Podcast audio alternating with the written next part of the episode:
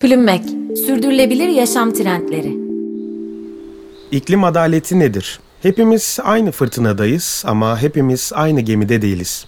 Dünya bir kriz yaşıyor, iklim krizi. Ancak tüm krizlerde olduğu gibi herkes bu krizden aynı şekilde etkilenmiyor. Ekonomik krizlerden, sağlık krizlerinden ve diğer tüm felaketlerden de herkesin aynı şekilde etkilenmediği gibi. İklim krizinin sorumlusu hepimiziz. Sen, ben, biz. Ama hepimiz eşit miktarda sorumlu değiliz. Hepimizin karbon ayak izi aynı değil. Ülkelerin ve hatta kentlerin de karbon ayak izi ve iklim krizinin büyümesindeki payı aynı değil. Dünya nüfusunun yarısı kentlerde yaşıyor ve kentler küresel karbon emisyonlarının %70'inden sorumlu. Bu kentlerde yaşamayan %50'nin temiz hava, temiz gıda ve temiz su haklarının iklim haklarının ihlal edildiği anlamına geliyor. Benzer şekilde her ülkenin de karbon emisyonları aynı değil. Çin ve Amerika ve hatta küresel kuzeyi oluşturan gelişmiş ülkelerin karbon emisyonları gelişmekte olan ülkelerin karbon emisyonlarının en az 3 katı kadar. Dolayısıyla iklim krizinin büyümesindeki sorumluluk her ülke için aynı değil.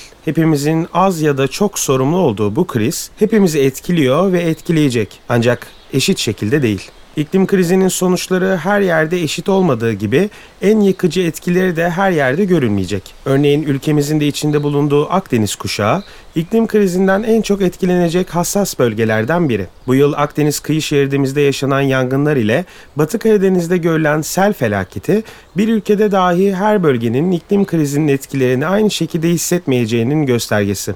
Benzer durum dünya içinde geçerli. Ülkemizdeki 10 kent dünyada iklim krizinin etkilerini en çok hissedecek kentler arasında. Bilim insanları dünyanın pek çok yerinde deniz seviyesinin yükselmesi nedeniyle pek çok kentin sular altında kalacağını söylüyor. Bu, buralarda yaşayan insanların göçe zorlanacağı ve iklim mültecisi olacağı anlamına geliyor. İklim krizine bağlı kuraklığın arttığı bölgelerde içme suyu ve gıda sorunları olacak. Şimdi bile temiz hava ve temiz su haklarımızın var olduğundan söz edebilir durumda değiliz. Birey olarak bugün bile iklim haklarından yoksunuz. Öte yandan iklim krizi bir ekonomik krizi de beraberinde getiriyor. Örneğin çiftçiler iklim krizine bağlı aşırı hava olayları ve kuraklık nedeniyle ürün elde edemiyor. Daha az ve verimsiz ürün ortaya çıkıyor ve büyük ekonomik zararlar doğuyor. Benzer durum neredeyse tüm meslek grupları için geçerli. Gezegenimiz tek evimiz ve bize sağladığı kaynaklar temiz hava, su, gıda,